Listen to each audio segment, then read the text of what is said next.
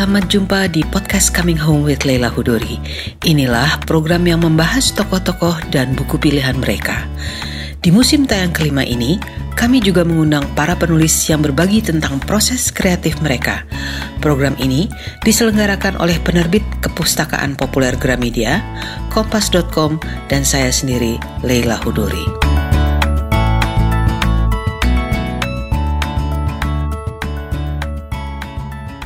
Novel pemenang Hugo Awards 2015 ini dibuka dengan setting revolusi kebudayaan Tiongkok.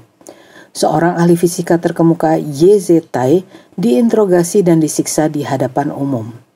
Putri Ye Zetai bernama Ye Wenji adalah protagonis novel ini yang merupakan seorang ahli astrofisika yang ikut terseret dalam prahara di masa itu. Ye Wenji dilibatkan dalam sebuah proyek besar pemerintah di Pantai Merah. Pada saat itulah Ye Wenji berhasil melakukan kontak dengan ruang angkasa. Puluhan tahun kemudian terjadilah serangkaian peristiwa misterius, yaitu kasus bunuh diri para ahli fisika. Peneliti nanomaterial Wang Miao kemudian ditugaskan menyelidiki kasus ini yang ternyata jauh lebih besar daripada sekedar kasus kriminal biasa. Peristiwa ini ternyata akan mengancam umat manusia. Novel bagian pertama dari trilogi sci-fi ini diterjemahkan oleh Oni Suryaman ke dalam bahasa Indonesia dan diterbitkan oleh penerbit Kepustakaan Populer Gramedia. Saat ini, novel Three Body Problem atau Trisurya dipersiapkan untuk menjadi serial yang digarap D.B. Weiss dan David Benioff, kreator serial Game of Thrones. Potas Coming Home with Leila Hudori mengundang pemimpin redaksi Femina Peti Fatimah untuk membahas novel yang kontroversial ini. Selamat mendengarkan.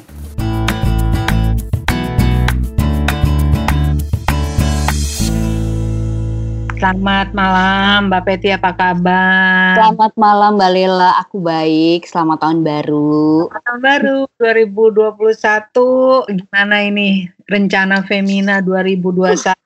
Hah?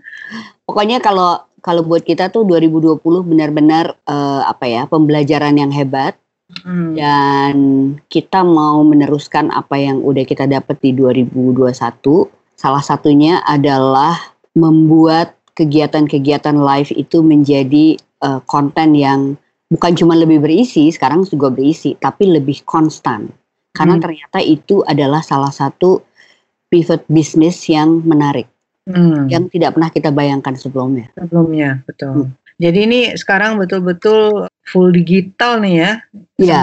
Full media tuh udah udah ke digital, udah menuju ke full digital ya. Iya. Dengan cara yang kuotan kuat terpaksa. Emang manusia tuh harus dipaksa sih kalau menurut iya. saya. Kalau kan ya. kalau itu cuma ngomong-ngomong doang tuh di situ. Tadinya sebetulnya sebelum pandemi memang sudah menuju ke situ tapi tambah lagi karena Benar. Karena ada dorongan ini ya. Nah, iya. Semoga sih 2021 dengan adanya vaksin dan lebih baik ya. distribusinya baik teratur ya gitu hmm. ya kita bisa sedikit um, memang nggak mungkin uh, 100% normal katanya sih ya kehidupan kita karena yeah. banyak gerunjal-gerunjal baru tapi ya semoga kita bisa lebih tahu lah gimana cara menghadapinya ya. Ya dibanding tahun lalu ya. ya tahun lalu kan banyak kaget-kaget banyak banyak kacauan di sana sini. Oke, nah ini bicara soal kacau, bagaimana menangani satu hal yang mengancam. Ini buku yang kita baca uh, untuk episode ini berjudul The Three Body Problem oleh Lucy Sin ya. Yeah. Uh, yang diterjemahkan oleh penerbit KPG menjadi Trisurya. Ya, tiga matahari. Ya, tiga matahari. Dan nanti kita perlahan-lahan akan tahu kenapa diterjemahkannya seperti itu yang nggak nggak harafiah three body problem. Mm-hmm. Kita akan tahu because in the middle akan ada disebut-sebut tuh uh, Trisurya. Ini uh, kalau versi bahasa Inggrisnya yang saya baca nih Mbak 434 halaman. Sesekali saya ke bahasa Indonesianya juga, sesekali saya saya tengok-tengok gitu karena kalau mau jujur ada di beberapa bagian yang saya gak paham gitu bagian-bagian saintifiknya. Hmm. what is going on? Terutama teori kuantum ya tiba-tiba belajar uh, kimia dan fisika. Juga biarpun gue dulu IPA tapi kan IPA-nya cuma di SMA setelah itu kan itu menjadi orang sastra ya. Jadi kita aduh aku udah coba lihat ke bahasa Indonesia barangkali saya akan lebih paham. Ternyata memang ada beberapa bagian yang saya lebih paham di bahasa Indonesia-nya. Tapi setelah selesai saya membaca ini kesan saya untuk orang awam meskipun saya menyukai sci-fi terutama film-film ya dan beberapa mm, novel sci-fi ya tapi saya tuh baru kali ini merasa ini hardcore gitu loh dibandingin ini hardcore banget yeah. dan arti sainsnya itu full full on banyak dalam dan kita yang bukan scientific minded harus sabar begitu kali ya. Mm, mm. ah, gitu ya. Nah, saya mau tanya sama Mbak Peti gimana waktu pertama membaca ini secara keseluruhan gimana? Saya mau komentar soal hardcore uh, dulu ya. ya. Itu ya. emang betul sekali sih. Uh, kalau saya boleh quote unquote mengkritik buku bagus ini adalah ada bagian-bagian emang yang saya merasanya orang ini carried away gitu. Iya, gitu ya asik sendiri. Oh, asik sendiri hello gue nggak ngerti bo. Gitu kan gitu. Jadi uh, ada tuh yang bagian-bagian tentang saintifiknya itu memang jadi berlebihan gitu. Um, saya komentarnya gini. Jadi ketika saya menerima buku ini saya memang tidak kenal sama sekali dengan penulis ini. Secara umum memang saya tidak kenal banyak penulis dari Tiongkok ya gitu. Yeah. bahkan uh, penulis-penulis itu dikenalin sama Mbak Lila nih teman-teman. Jadi saya senang. Sekarang hmm. saya uh, tahu ada penulis-penulis Asia yang juga bagus banget gitu. Nah uh, ketika saya baca Trisurya lalu diterjemahkan dari The Three Body Problem, hmm. lalu saya buka halaman-halaman pertama itu menceritakan kejadian uh, revolusi kebudayaan di Tiongkok kan tahun 1967 kira-kira oh. gitu.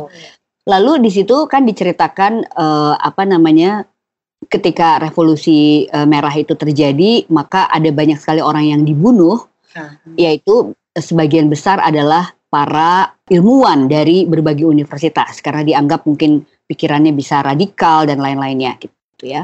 Nah, jadi yang tergambar itu kan kekejaman itu ya gitu. Bayangkan ada seorang bapak yang disiksa di lapangan itu dan salah satu yang menyiksa adalah istrinya gitu kan. Seperti itulah kira-kira gitu. Jadi saya mikirnya gini, oh ini science fiction tapi kejadian ini bener ya gitu walaupun itu fiction gitu. Jadi saya mikirnya ketika halaman-halaman itu ter, uh, terus saya baca kan banyak banget tuh ya halaman mengenai kejadian revolusi kebudayaan itu. Hmm. Saya mikir oh ini nih kayaknya hubungannya dengan kriminal. So the body dalam pikiran saya saat itu orang-orang mati banyak banget. Hmm, hmm, hmm ternyata. Gitu. Jadi begitu saya balik ke bab berikutnya tiba-tiba loh kok jadi ke sini gitu. Jadi hmm. saya sangat surprise bahwa pembukanya tuh itu gitu. Yeah. Saya sempat sebel sih gitu ini ngapain sih pembukanya panjang-panjang ini kalau lo mau bilang bahwa orang ini berasal dari sini kan nggak usah sepanjang itu yeah. tapi at, ah di akhir cerita saya jadi ngerti oh dia okay. dia membuka cerita itu tuh ada maknanya gitu mm-hmm. nah jadi sebagai sebuah buku science fiction mm-hmm. saya merasa buku ini uh, sangat mendalam mm-hmm. dan saya sebenarnya suka sih dengan cerita mengenai kemungkinan ada peradaban yeah. lain di luar sana. So we are not alone itu kan selalu jadi issues ya. Iya, iya, iya, iya. Gitu. Dan kayaknya nih si pemeran ini pinter banget ya gitu. Hmm. Astrofisis kan, ada yang uh, ahli nano uh, molekuler dan segala macam. Saya kayak membayangkan kayak Stephen Hawking gitu ya. Oke, okay, uh, ini saya setuju ya. Waktu di bagian awal ini untuk uh, mereka yang belum membaca, dan saya tetap sarankan uh, sebaiknya membaca ya. Karena meskipun saya tadi mengatakan bahwa aduh ini gila ini. Uh, salah satu buku yang tersulit yang pernah saya baca. Tapi memang benar ini saya malah tertarik mbak kalau saya waktu dibuka dengan revolusi kebudayaan, karena saya nah, saya senang sih historical fiction. Hmm. tapi saya tetap kaget karena revolusi di mana-mana kan memang pasti ada pembunuh ada ada ya. ada itu pasti ada tapi yang membuat saya tetap selalu kaget-kaget nih kalau udah ngomongin revolusi kebudayaan Tiongkok itu kan dan dia bukan he, he's not the only one nih si Lu Cixin ya Se, hmm. sastra uh, Chinese yang uh, sebelum-sebelumnya senior-senior dia itu sering sekali hajin itu kalau hmm. menurut itu ya begitu ada pengkhianatan even di dalam keluarga gitu ntar ya. adik yeah. adiknya ngadu tentang apa ngelaporin kakaknya yeah Yeah. Aku, nah ini kayak ini kan istrinya menyiksa suaminya sendiri itu sakit perut gitu loh. Hmm. sakit perut Mungkin banget. karena mereka hidup di tengah kecurigaan ya. Ya, ya dan Jadi, juga hmm. pada akhirnya semuanya itu lo mau ikutin ideologi ini apa enggak? Kalau lo nggak mau ikutin ideologi ini ya udah you are not my family anymore gitu. Jadi yeah. ya buat gue kalau lo mati ya nggak apa-apa gitu. Itu itu begitu dalam uh, ininya ya apa namanya penanaman penanaman tersebut. Jadi di bab satu tuh memang saya setuju itu dia panjang sekali, tapi mm -hmm. kita akan paham di akhirnya kenapa anaknya kan menyaksikan sendiri tuh bapaknya disiksa dan mati. Betul dan kita akan memahaminya endingnya oh Ye Wenji ini sangat penuh dengan dendam dengan kematian bapaknya. Betul, ya. makanya makanya dia melakukan hal-hal tersebut iya, gitu kan. Melakukan ya. semua hal-hal yang buat kita juga mengejutkan gitu sebagai ya. dia melakukan apa pun juga termasuk kepada keluarganya sendiri ya ketika dia akhirnya udah menikah punya anak gitu ya uh, karena buat dia di otak dia adalah bapak gue dulu dibunuh gitu kan bapak ya. gue gitu. Jadi um, itu itu one thing. Jadi yang bagian humanity dari novel ini menarik. Nah, tapi begitu kita masuk ke soal matahari peradaban di hmm. sana hmm. gitu, itu aku aku ribet banget hmm. gitu uh, memahaminya. Nah, tapi ini ada satu yang saya ingin tanya. Kan konsepnya dia nih si penulis Lu, hmm. konsep bahwa ada peradaban tadi kan um, Mbak Peti juga menyebut ada peradaban lain di hmm. sana di mana tiga matahari yang muncul bersamaan yang membuat akan menjadi bencana besar uh, yang memusnahkan peradaban yang di sini di bumi. Kalau saya sih ngelihat ini sebenarnya kan si penulis ini kan seorang ahli komputer ya dan yeah. apa namanya sepertinya dia memang tertarik pada penjelajahan angkasa luar ini ya. Hmm. Sebetulnya kalau kita banyak banyak membaca mengenai penjelajahan angkasa luar ini, Trisurya itu sebetulnya ada bukan ada ya, tetapi ada satu teori yang mengatakan kalau misalnya bum, matahari kita berjajar dengan uh, Jupiter dan matahari, bumi dan Jupiter itu sejajar, ya, maka ya. itu akan kiamat katanya gitu kan. Hmm. Makanya disebutnya sebagai trisolaris itu. Nah, trisolaris teori trisolaris ini memang muncul di tahun-tahun dia bikin buku ini nih. Rame banget tuh tahun 2015 tuh rame banget gitu. Karena orang meramalkan mungkin bumi itu akan kiamat gitu ya dengan uh, panas dan segala macam gitu. Jadi kalau saya melihatnya dia memang mendasarkan pada penemuan-penemuan yang sudah ditemukan manusia gitu. Hmm. Dan kalau kita baca di sini kan kita juga tahu bahwa si yang menemukan pertama kali kontak itu kan Ye Wenji itu ya. Betul. Si hmm. Ye Wenji itu yang bapaknya dibunuh di Tiongkok tahun 1967 itu kan. Jadi Ye Wenji ini akan menjadi seorang ahli astrofisika gitu. Yeah. Yeah. Dan dia lalu bekerja di sebuah tempat peneropongan bukan peneropongan bintang ya. Uh, apa namanya pusat penelitian angkasa luar di Tiongkok gitu. Lalu dia men, dia tuh uh, apa namanya menemukan transmisi radio dari sebuah peradaban di luar sana gitu. Hmm. Nah, kita kalau kita baca di situ, dia juga mengatakan bahwa peradaban itu kira-kira 4.500 tahun cahaya katanya hmm. gitu. Hmm. Jadi itu sebenarnya kalau di dalam pelajaran astronomi itu bisa ketahuan ada yang namanya Alpha Centauri itu kan. Hmm. Uh, apa bintang yang yang jauhnya itu dan sekarang kita menganggap mungkin di situ ada peradaban. Gitu. Hmm. Jadi kalau saya ngelihatnya tuh dia kayaknya ngarah-ngarahnya ke situ gitu. Di dalam fiksinya dia eh, bintang itu atau planet itu punya tiga matahari kan, hmm. punya tiga matahari yang datang ber, bisa datang bertiga, bisa datang satu persatu sehingga mereka itu tidak stabil gitu, tidak hmm. stabil. Kadang-kadang panas banget gitu, kadang-kadang dingin banget gitu, kadang-kadang seperti di bumi. Gitu. Hmm. Dan di situ kan dikatakan bahwa si penghuni dari uh, apa namanya si planet itu. Dalam hal ini penghuni itu adalah seorang penjaga transmisi radio juga sama kayak Yewenji kan? Itu yeah. yang mengatakan bahwa buminya dia itu udah nggak stabil gitu kan.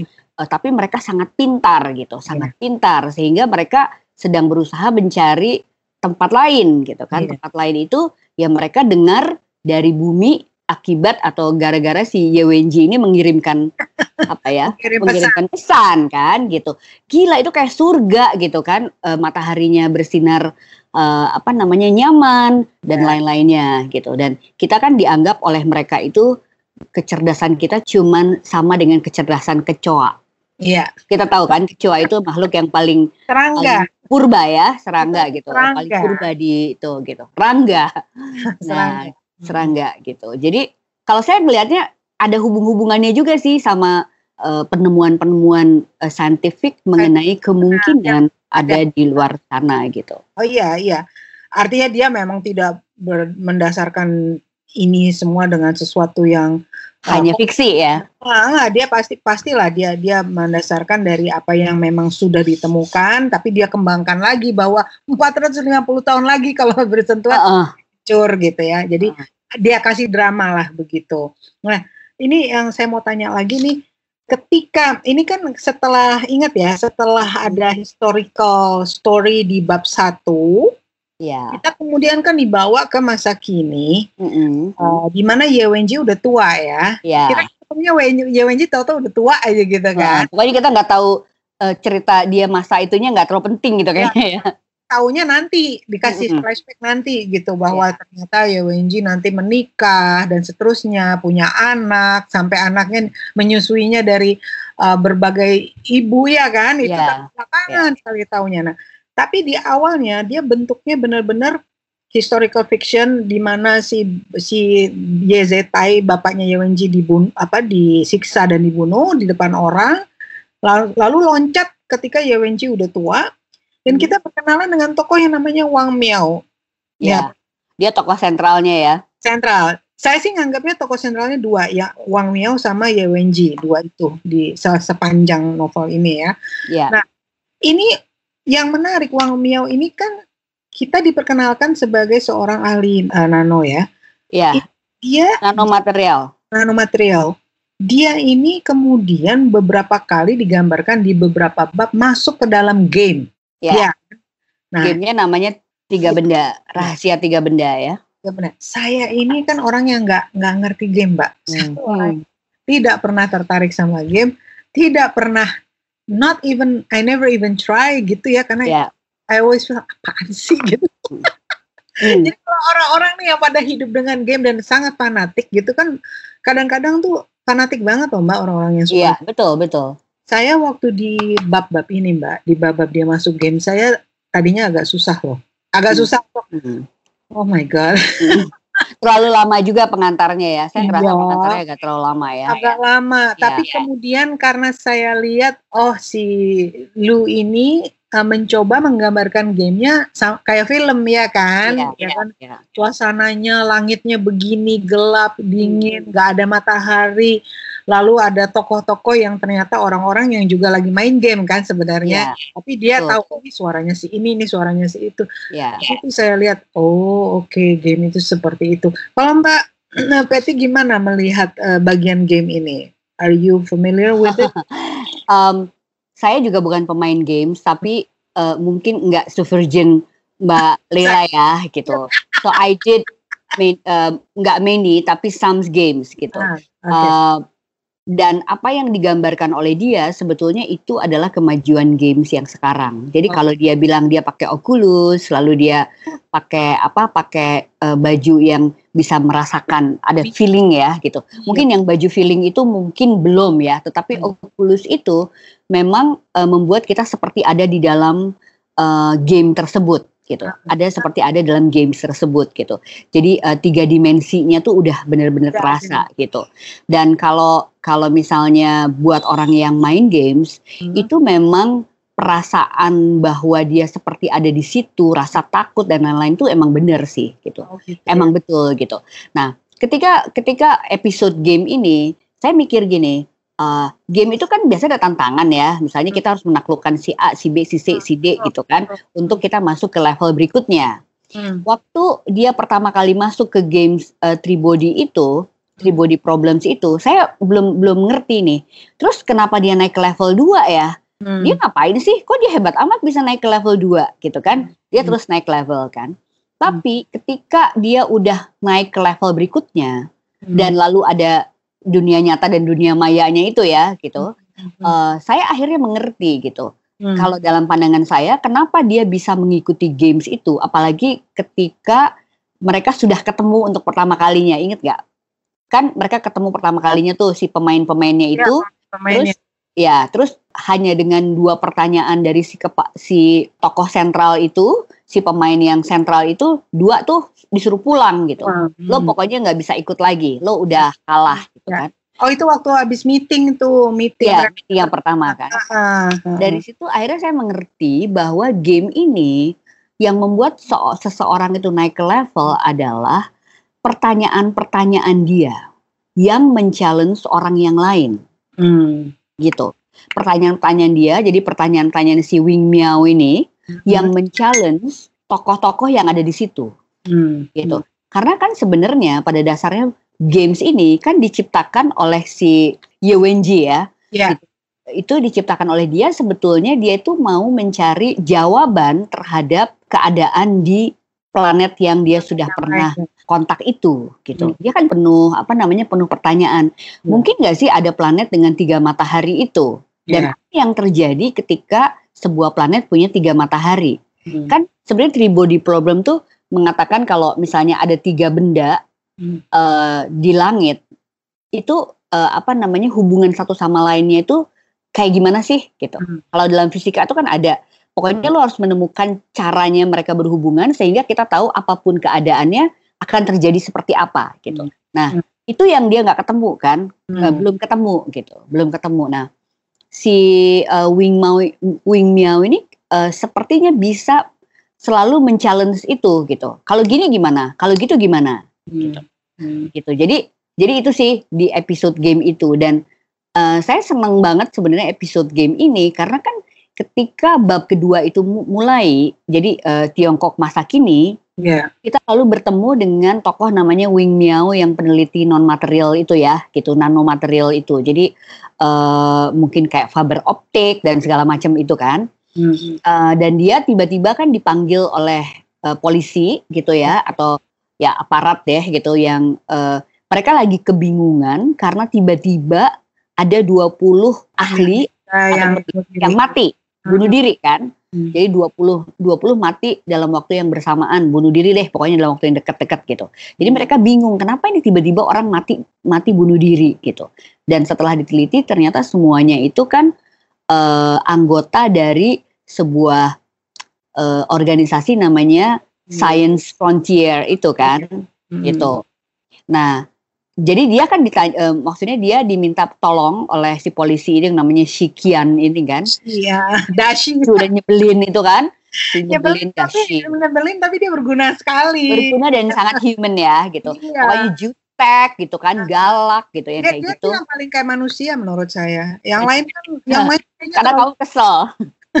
yang lain jenius banget gitu. Oh, yang lain jenius banget kan, kan dia diminta diminta tolong untuk bisa nggak kamu menjadi masuk ke dalam uh, ya, apa namanya organisasi itu untuk mencari tahu kenapa sih mereka seperti itu kan gitu. Agen nah, ketika uh, uh, ketika dia lagi nyari uh, informasi itu lalu dia menemukan uh, salah satu si apa informannya itu yang namanya Wei Cheng itu kan ya. lagi main itu kan istrinya ya. lagi main itu yang uh, Shen Yufei itu kan gitu Betul. jadi dia dia mikir gitu kok orang spinner itu mainnya game sih gitu ngapain ya. gitu Itu kalau di sini di bahasa Inggrisnya namanya uh, yang dikenakan V V V. Ya. Visut. Sama sama visut.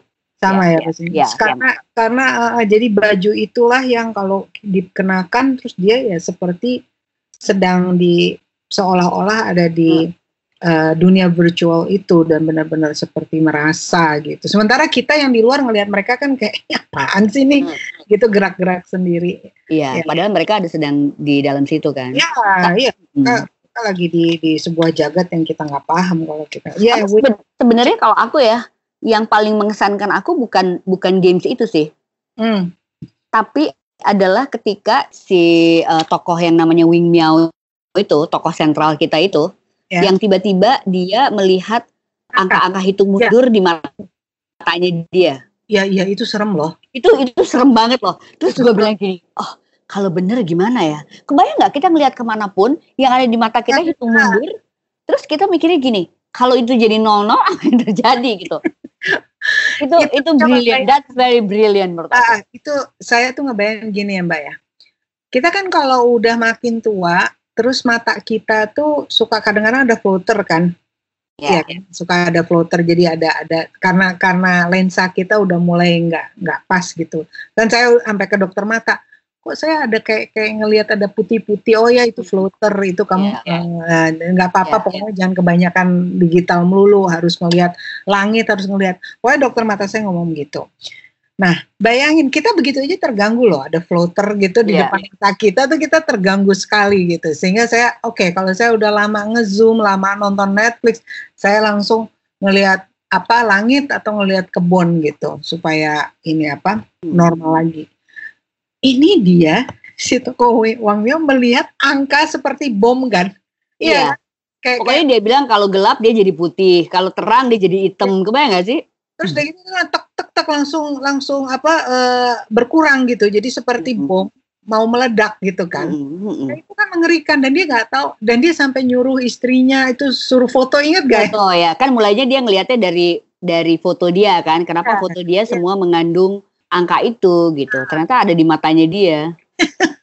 itu itu waktu itu serem. Itu that's very scary itu. Ya dan sangat menegangkan itu uh, penulisannya itu bagus tuh di situ. Ya, itu bagus. Nah, hmm. itu juga ya ketika kan saya sangat penasaran ya. Aku bilang nih ini orang hebat banget ya bisa menggambarkan ini tapi sebenarnya realnya tuh apa gitu. Terus ya. ada ada part nanti kita diceritakan bahwa sebenarnya uh, bumi apa angkasa kita itu berdenyut katanya istilahnya gitu. Hmm. Jadi berdenyut itu artinya gini, uh, apa tumbukan kos kosmik yang terjadi di masa purba mm-hmm. itu menyisa, menyisakan sisa radiasi mm-hmm. dan radiasi itu nggak pernah hilang sebenarnya di kosmik kita itu gitu mm-hmm. uh, apa namanya itu sebabnya misalnya katanya kalau astronot astronot misalnya di stasiun angkasa luar itu kadang-kadang dia ngeliat ngeliatin bling bling di matanya dia gitu seperti hmm. ada cahaya-cahaya padahal nggak ada apa-apa gitu nah itu tuh sebenarnya itu adalah sisa radiasi kosmik hmm. jadi sebenarnya kalau kita bisa melihat dengan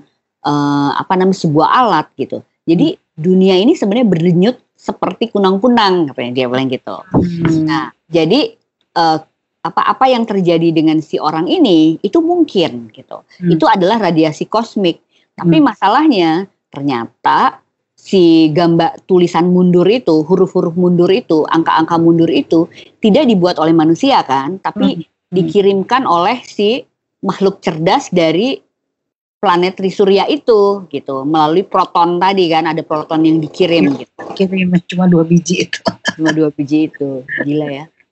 Oke. Okay. keren sih itu keren. Iya iya itu itu kok cuma dua proton terus si Shikyangnya tuh yang si Intel merasa hah gitu kok cuma dua proton. Oke okay, ini saya mau masuk ke tokoh-tokoh dulu nih sebelum kita masuk ke dramanya. Tokoh-tokohnya nih uh, yang betul-betul sentral kan tadi Mbak Peti udah menyebut ya, uh, Yezekai. Ye Wenji sama Wang ya, Yang, yang yang yang yang utama. Yang utama ya, Ye Wenji sama Wing Miao. Kemudian tentu saja nanti belakangan kita tahu ada Xikyang, Xikyang penting banget, ya, ya kan? Dan tokoh-tokoh pendukung lainnya. Nah, uh, mau tanya pen, pertama uh, penggambaran dan karakterisasi tokoh Ye Wenji ya. Dia ahli astrofisika, dia peran utama di sini, dia adalah uh, putri dari uh, seorang ahli fisika juga kan bapaknya ya, yang dihukum mati itu. Betul, tewas disiksa saat uh, uh, Cultural Revolution. Dia dihianati istrinya sendiri, si Yezetai istrinya sendiri ikut interogasi. Jadi Yewenji ini menyaksikan bapaknya dibunuh di depan mata dia. Oke. Okay? Hmm. Nah, saya mau tanya uh, Mbak Peti ini, what do you feel, what what do you think, apa pendapat uh, Mbak Peti tentang tokoh ini? Karena nih buat saya nih tokoh yang sepanjang novel seolah kayaknya dingin dan datar gitu loh. Kayak akhirnya dia hmm. jadi gak jarang punya emosi gitu loh. Bahkan menikah pun yeah. suaminya tuh cinta. Lucu ya itu ya. ya pokoknya gue lu kasih rumah deh serah dia bilang ya kamu melakukan apa yang kamu mau aku melakukan apa yang aku mau dia lo, lo, lo do whatever you want ah. gitu. Ya Kepala gue pening baca. Lucu. What do you think I'm, I'm, I think uh, terus terang ketika di halaman-halaman pertama saya merasa miris sama Yewenji ini ya. ya. Gue bisa membayangkan ada bagaimana seorang anak perempuan ya umurnya masih kecil ya Iya, masih, masih muda banget gitu, umurnya masih muda banget. Dia harus melihat bapaknya yang dia dekat sama bapaknya kan diceritakan ya. Hmm. Yang yang dia cintai itu disiksa di depan mata dia gitu hmm. sampai mati. Hmm. Jadi kalau saya pikir orang ini sangat trauma ya. Jadi mungkin dia membenci dunia gitu. Jadi membenci semua orang karena uh, semua orang tidak bisa dia percaya kan. Bahkan bahkan ibunya aja bisa against bapaknya kan. Gimana hmm. sih? Nah, gitu. Jadi uh, saya pergi ke pan ke mana itu langsung di, merasa dihianati juga waktu di yang ingat gak bab berikutnya yang dia dikasih buku Silent Spring. Oh iya. Yeah. Uh, terus iya kan terus dia dia yeah kan di situ. Jadi dia kayaknya merasa ini hidup gue penuh sama pengkhianatan deh gitu kan. Betul.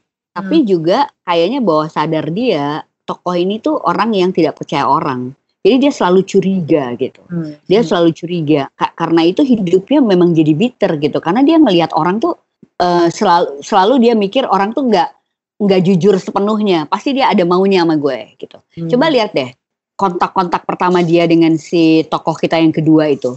Uh, Wing Miao kan hmm. dia nggak nggak langsung percaya Wing Miao itu memang sungguh-sungguh mau mencari apa namanya mencari kebenaran kenapa hmm. sih ini semua orang pada pada mati bunuh diri gitu ya, kan ya, ya. dia dia dikerjain dulu kan sama ya, ya. sama si uh, Ye Wenji itu dan kalau saya ngelihatnya bukan karena dia pelit tapi dia nggak dia nggak percaya gitu ya. dia nggak percaya hmm.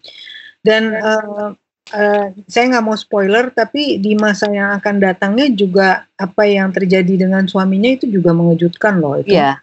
Itu dibunuh. saya dibunuh di tebing. Aku eh, cut. spoiler ya gue ya. Nanti aku cut nggak apa-apa.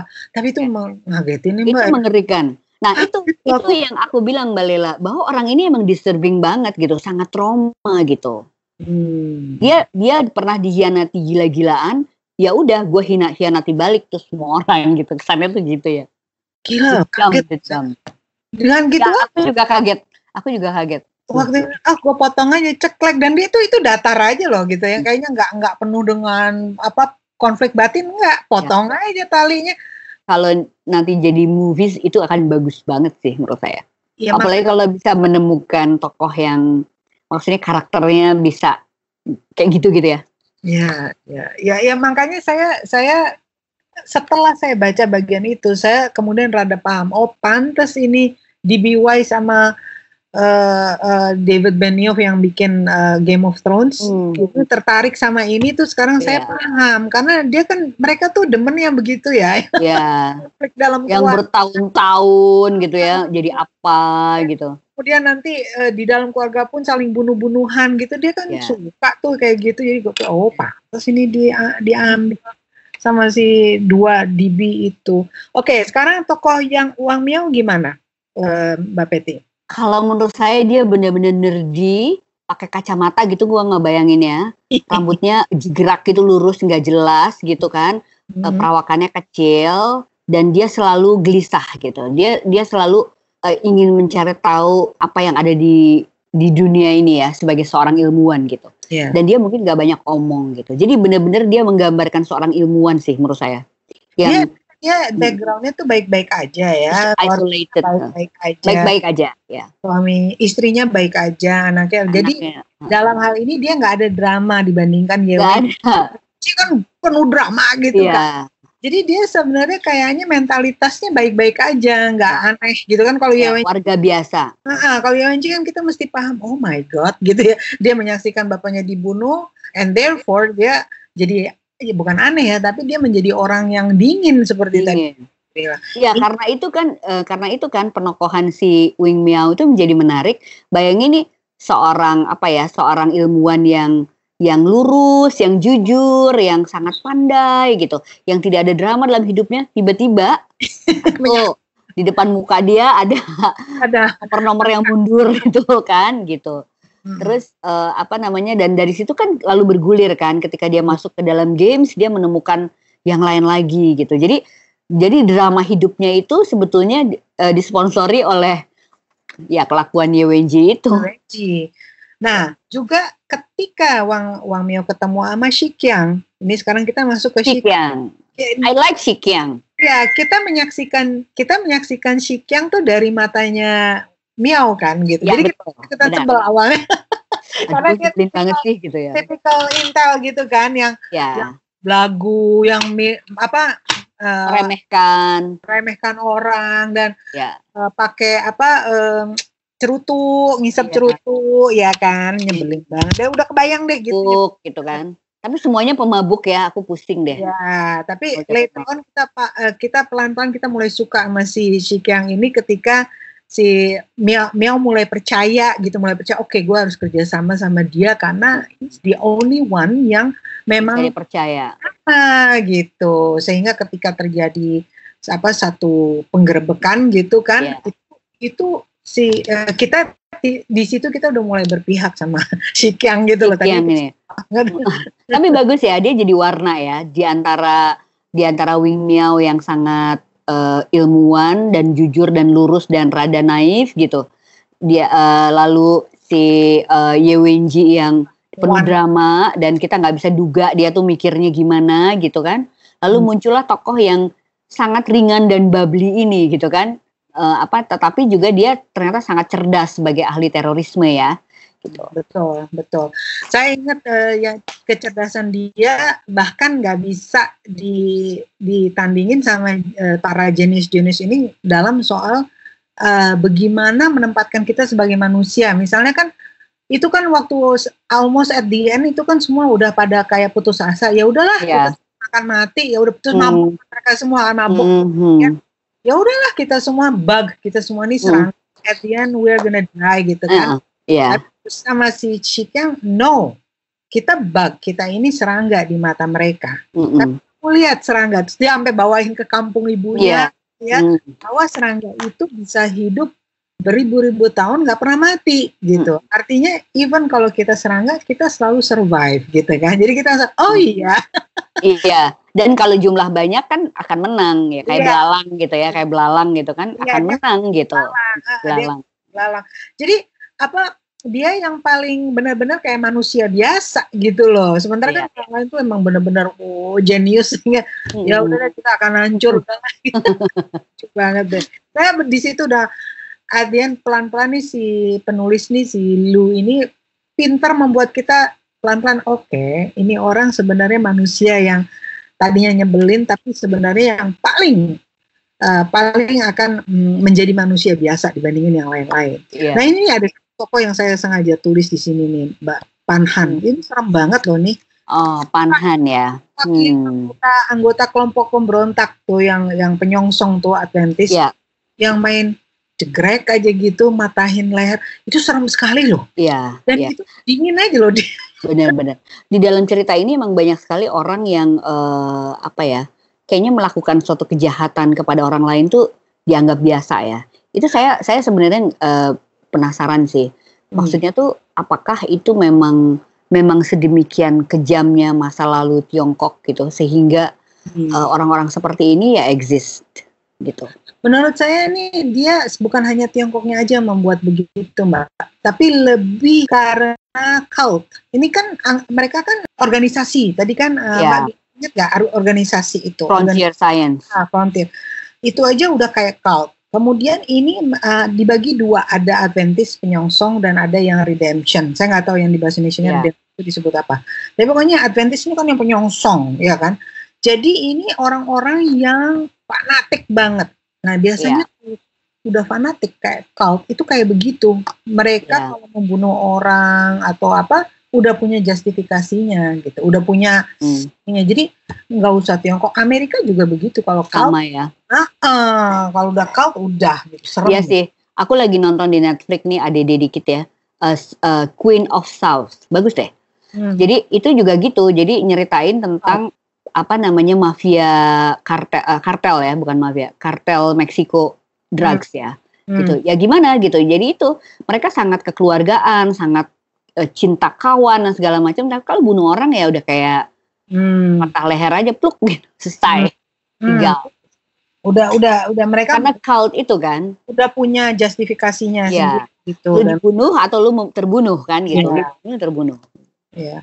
Jadi itu, itu waktu adegan itu si Panhan ini saya sampai wah gila ya, ya, kita kita karena orang-orang awam yang biasa jadi ngelihat itu yeah. jadi apa baca itu jadi kaget di situ makin lagi saya mengatakan wah ini pantesan di Wise sama sama si Benio mau mau memfilmkan ini. Memfilmkan ini. Terus uh, saya mau tanya lagi, ini waktu di ending-endingnya ini kan udah mulai sedih ya sebetulnya gitu ya. Ya. Uh, ketegangan-ketegangan bahwa kita kita pada akhirnya agak dikasih tahu bahwa ya udah pokoknya we are small, mereka bisa cuman ibaratnya pencet aja kita selesai. A dan kemudian uh, diperlihatkan tadi kita udah bicarakan gimana toko-tokonya yang mabok aja ya udahlah kita we are bugs. Nah kita nggak tahu nanti di serial yang kedua dan yang ketiga itu kan ada ya uh, judulnya apa Death Forest, eh Dark Forest sama Death End itu ya. Uh, niat nggak Mbak Peti baca itu? Niat. Kedua, ya. Niat banget. Aku uh, pengen, pengen tahu, benar gitu karena uh, ya itu sebagai sebuah science fiction buku ini bagusnya tuh emang kayak real sih. Uh. Sangat sangat mendalam risetnya ya, gitu hmm. sehingga kita menganggap oh mungkin mungkin aja nih kayak gini gitu kan hmm, mungkin iya. aja gitu saya saya juga kepengen banget pengen hmm. tahu gitu bahwa ini ini karena saya uh, mendengar dari kawan-kawan yang sudah membaca kedua dan ketiganya itu itu tokoh-tokohnya makin banyak lagi gitu. Uh, pusing pasti kita ya. Karena kan it's after 450 ya ya ya Wenji Mami Miao-nya udah udah udah bye bye. Uh, gitu. Jadi udah tahun berapa gitu, udah tahun 2400 berapa gitu. Itu jadi uh, itu udah benar-benar future gitu. Jadi aku mm -hmm. aku tertarik banget pengen tahu kayak apa dia menggambarkan 400 years. Mm -hmm. Halo, saya Leila Hudori, host dari podcast Coming Home. Penerbit Kepustakaan Populer Gramedia mempunyai beberapa rekomendasi buku. Pertama, novel Damar Kambang karya Muna Masyari. Novel ini bercerita tentang tradisi pernikahan di Madura, di mana harkat dan martabat dijunjung tinggi. Peran utamanya bernama Sebing adalah gadis 14 tahun dari desa Karangpenang yang menjadi tumbal dari tradisi pernikahan ini. Novel ini setebal 208 halaman, soft cover bisa diperoleh di gramedia.com atau toko-toko buku Gramedia. Yang kedua, penerbit KPG menerbitkan kembali novel Negeri Senja dengan sampul baru dan ilustrasi luar biasa. Novel Negeri Senja ditulis Seno Gumira Aji Dharma tahun 2003.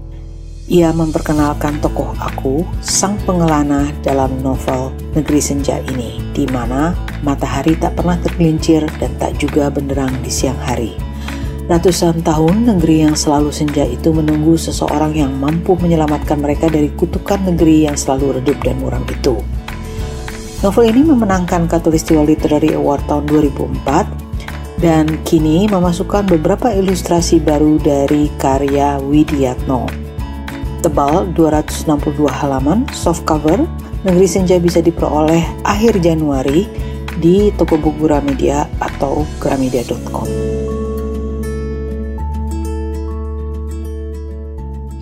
Oke, ada highlight apa yang mau di, disebutkan dari buku ini, eh, Mbak Peti? Dari Trisurya?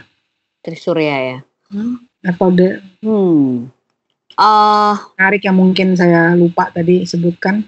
Sebetulnya di di buku ini ada juga tokoh yang namanya Evans itu ya. Oh iya. Evans. Lupa nanya itu. Ya lupa ya. Itu penting juga tuh si Evans oh, itu. Iya. Jadi uh, Evans itu kayak menggambarkan uh, tipikal bukan karakteristik ya, tipikal opportunistic zaman iya, sekarang ya. Gitu. Orang Amerika pula. Orang Amerika gitu, tipikalnya oh. kayak gitu. Pokoknya yang penting buat dia untung yang gitu.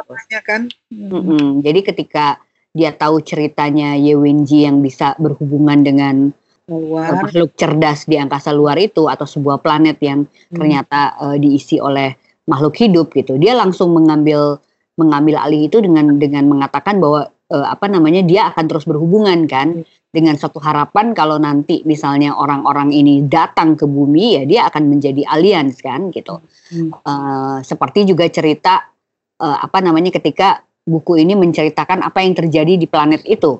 Hmm. Kan dia bilang hmm. apa namanya makhluk bumi itu udah lebih udah semakin banyak yang berpihak pada kita. Iya. Yeah. Gitu yeah. kan, berpihak pada kita karena dia sudah merasa bumi ini udah uh, tidak ada masa depannya gitu kan. Di situ digambarkan misalnya kayak lingkungan hidup yang buruk, oh. perang-perang gitu, ekonomi yang tidak stabil dan segala macam gitu. Nah itu tuh menurut saya itu juga bagus tuh tokoh Evans itu gitu. Di setiap cerita kan selalu ada orang yang kayak gini gitu pahlawan kesiangan tapi dia punya lebih kejam sebenarnya dari semua tokoh yang terkejam di situ ya. Iya, dan yang dibikin ironis oleh si uh, Lu ini, uh, si tokoh Evans itu kan awalnya sebetulnya tokoh yang idealis sekali. Betul, betul. Ada tokoh idealis yang kecewa. Environmentalist ya. Uh, ada environmentalist yang kecewa dengan bapaknya dan dimulai dari hal yang kecil, bukan kecil sih ya, tapi dari hmm. burung kan, dari burung yeah. yang banyak ketika dia menceritakan burung yang di, tersiram minyak itu aku ingat yang emang beneran terjadi. Ada terjadi, iya. Betul. tahun yang lalu ada burung-burung yang tersiram mati. minyak itu mati dan kita pantai. Foto-fotonya tuh memang uh, mengerikan dan sedih kita melihatnya gitu ya burung-burung itu full of minyak dan jadi uh, saya membayangkan nih si Lu itu pasti uh, refer to that event ya hmm. bahwa ada burung-burung yang uh, apa langsung gitu ya spesies itu hampir punah nah. itu gitu. Jadi um, bagus sih dia mengambil uh, apa hal-hal yang nyata, event yang betul-betul ada, kemudian lahirlah tokoh Evans ini gitu ya. Hmm. Awalnya saya pikir oke okay, ini typical environmentalist yang idealis, tapi kemudian ketika dia hmm. jadi negara ya diwarisin bapaknya, uluh jadi jadi berubah ya ya. Jadi lebih dekat dari bapaknya kan gitu. Ya, jadi jadi apa namanya ke keserakah keserakahan dia itu ternyata mengalahkan idealismenya dia kan ya, gitu bahwa iya. dia mungkin akan bisa menguasai dunia dan segala ya. macam gitu.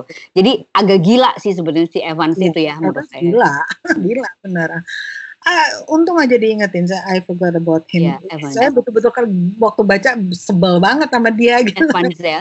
Iya. Nah, itu juga bagus tuh kalau jadi movies itu juga akan jadi bagus gitu karena ada karakter uh, baratnya di situ ya nah, di dalam cerita yang semuanya orang uh, Tiongkok gitu. Ya, ya, nah, catatan yang lain saya tuh saya saya baca sebuah review I forgot di mana New York Times atau New York Post atau apa gitu. Hmm. Tapi di sini menarik gitu. Si reviewer ini bilang bahwa uh, sadar nggak sih gitu. Buku hmm. ini seperti mau menggambarkan bahwa uh, penjelajahan angkasa luar itu tidak uh, apa namanya tidak sepenuhnya dikuasai oleh Barat. Hmm. Jangan lupa loh, hmm. uh, Tiongkok itu udah maju, yeah. sama seperti Rusia juga. Yeah. Rusia mungkin udah lebih populer ya, yeah. gitu. Tapi Tiongkok itu udah lebih maju dan bahkan lebih maju di, dibanding apa yang kita pikirkan gitu. Yeah. Jadi yeah. si reviewer ini merasa bahwa uh, penulis ini juga ingin menggambarkan itu kepada dunia barat gitu hmm. bahwa penjelajahan angkasa luar itu sebenarnya uh, milik semua orang milik semua ya. bangsa gitu dan Tiongkok itu udah udah maju banget gitu ya. selama ini kan selalu digambarkan misalnya kalau yang kayak gitu tuh selalu di NASA di ya. Uh, ya. apa Rusia gitu ya kayak gitu-gitu gitu tapi ini benar-benar di Tiongkok yang kita bilang oh ada ya hmm. gitu jadi itu kayak kayak show off juga dan saya setuju ini sih. Hmm. Ya itu itu menarik kan uh, sebetulnya uh, Mbak Peti kalau nanti ada waktu nonton serial Away deh, Away. Away udah selesai. Nah kan ada di dalam tim itu kan ada juga yang dari uh, Tiongkok, Tiongkok betul. Ah, ah, gitu. Jadi memang uh, Barat itu lagi baru terbuka matanya bahwa oh China itu adalah ternyata gitu rasa yang baru bangun dan kita nggak kalau kita semua di Asia kan udah tahu. Hmm. ya kan? Kita udah ya. tahu lah ya. Dari dulu China itu dianggap seorang raksasa yang selama ini kita tahunya tidur tapi sekarang udah bangun dah. Kita tahu itu. Ah tapi kalau yang barat tuh yang dulunya meremehkan sekarang oke okay. Hmm. we didn't realize that. Uh, uh, kan gitu. Dan dan mungkin kan bedanya gitu ya. Kalau di dunia barat gitu misalnya kayak penjelajahan angkasa luar dan lain-lainnya itu mereka show off. Iya. Kalau kalau itu mereka diam kan gitu. uh, ditutup nah, nanti kalau udah udah benar-benar berhasil tiba-tiba baru uh, ya gitu ya. dan dan apa novel ini saya pikir menggambarkan itu sih gitu. Misalnya kayak cerita mengenai Pantai Merah itu kan gitu. Ternyata itu benar-benar pusat konservatori yang luar biasa gitu. Hmm. Yang orang tuh nggak nggak ngeh tadinya gitu. Karena kan tertutup, nggak boleh ada orang masuk. Udah kayak tempat yang yang sangat rahasia. Proyek rahasia yang di Red Coast hmm. kan, yang di Pantai yeah. Merah gitu. Jadi uh, memang buat orang Barat it's always uh, surprising for them bahwa, oops, yeah oh ternyata udah gini ya gitu kan. Terus tiba-tiba ada tim senamnya China semuanya oh, menang. semuanya menang, semuanya dapat medali emas gitu kan, gitu kan?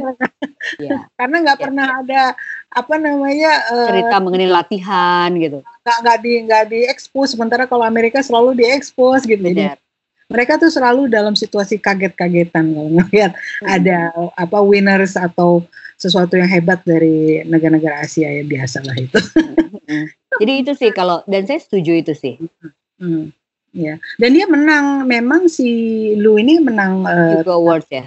Hugo dan biasanya Hugo tuh dimenangkan oleh penulis-penulis Barat gitu loh. Yeah. Jadi this was the first time ada an Asian writer yang menang gitu. Jadi uh, wah jadi heboh itu Amerika heboh gitu.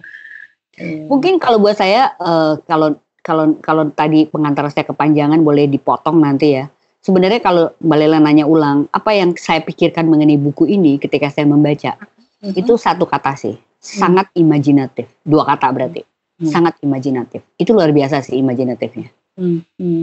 Iya, iya, ini ya. gila. Oke, okay, thank you. Nah, ini ada ada pertanyaan dari netizen. Yang pertama hmm. adalah at VNXWZL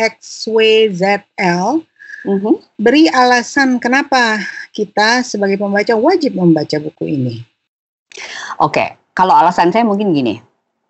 Kalau kamu termasuk orang yang selalu berpikir apakah kita ini cuma sendirian di alam semesta ya, ini, semesta. Uh, mungkin uh, kamu perlu baca buku ini. Hmm. Oke. Okay. alasannya. Kalau saya menjawabnya dari sisi uh, penggemar cerita. Okay. ya, bahwa saya merasa buku ini lengkap. Dramanya keren ya. Mm-hmm. Dramanya asik gitu ya. Sebab kalau semua saintifiknya aja yang keren tapi dramanya nggak seru juga males ya, kan kita betul. baca. Ya. juga fiksi ya, harusnya kan seru dong nah, gitu kan. Jadi, uh, apa kalau misalnya bagian saintifiknya seru ya ya cuman seru untuk mereka yang uh, memahami nano dan uh, apa quantum quantum theory tapi yeah. fiksinya ini juga keren sekali gitu dan dia pinter sekali menyusunnya gitu loh ya, yeah. ya apa ada beberapa generasi yang terlibat di dalam cerita ini dan dia menyusunnya dengan asik dan ada kejutan-kejutan ya jadi untuk kamu yang kalau senang satu drama tapi kemudian tentu saja ini adalah science fiction udah ini uh, wajib menurut saya dibaca ya Terus pertanyaan kedua dari Ed Cahya underscore 2919. Apakah seluruh novel trilogi harus dibaca semua? Hmm. Kalau saya sih iya. Hmm. Kalau enggak kentang. kentang ya. Kita jadi penasaran. Iya. Jadi uh, saya dan Mbak Peti ini baru baca yang pertama dan kita penasaran pengen baca yang kedua, kedua ya. ya. Oh. Dan ya, karena uh, kita tahu betul ini endingnya memang sebuah ending, memang udah selesai tapi selesai untuk cerita tersebut untuk generasi itu dan kita kepingin yeah. tahu nanti di yang berikutnya yang judulnya Dark Force itu seperti apa gitu loh apa yeah. yang akan terjadi gitu itu itu buat saya penasaran banget sama lah sama kita baca Star Wars kan Ya. Yeah. Star Wars gak? Yeah. Kan kita begitu udah baca trilogi semuanya, baru kita wah bener ya lengkap banget nih gitu. Yeah. Rasa penasarannya hilang semuanya kan udah gitu. Jadi uh, benar tuh perumpamaannya. Jadi menurut saya harus gitu. Uh, memang kita belum baca yang berikutnya, tapi uh, setelah membaca yang pertama ini, saya sih penasaran Mbak Peti juga penasaran. Ya. Oke, Mbak Peti, asik banget ini obrolan. Asik, asik, asik. Uh, ini saya bilang-bilang sama semua orang, ini baru pertama kali gue merasa susah banget membaca.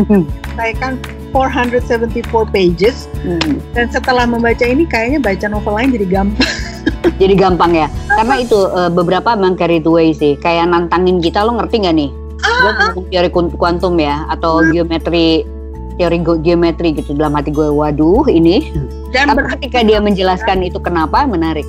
Panjang banget kan dia bikin halaman itunya apa teori dan apalagi kalau lagi debat tuh antara yeah. si dengan si Wenji. Bla bla bla ini begini ini hanya berapa aduh mati deh gue gitu. Udah gue mau tahu akhirnya aja. Oke dari perdebatan kalian terus maksudnya apa? Udah itu aja. Mm -hmm. menarik ya? Hmm. oke deh mbak Betty makasih banget. Terima uh, kasih jangan kapok-kapok untuk Oh iya dong, tidak dong, pasti senang. Uh, nanti kita ketemu lagi. ya, oke, okay, makasih ya. Thank you ya, bye-bye. Bye. bye.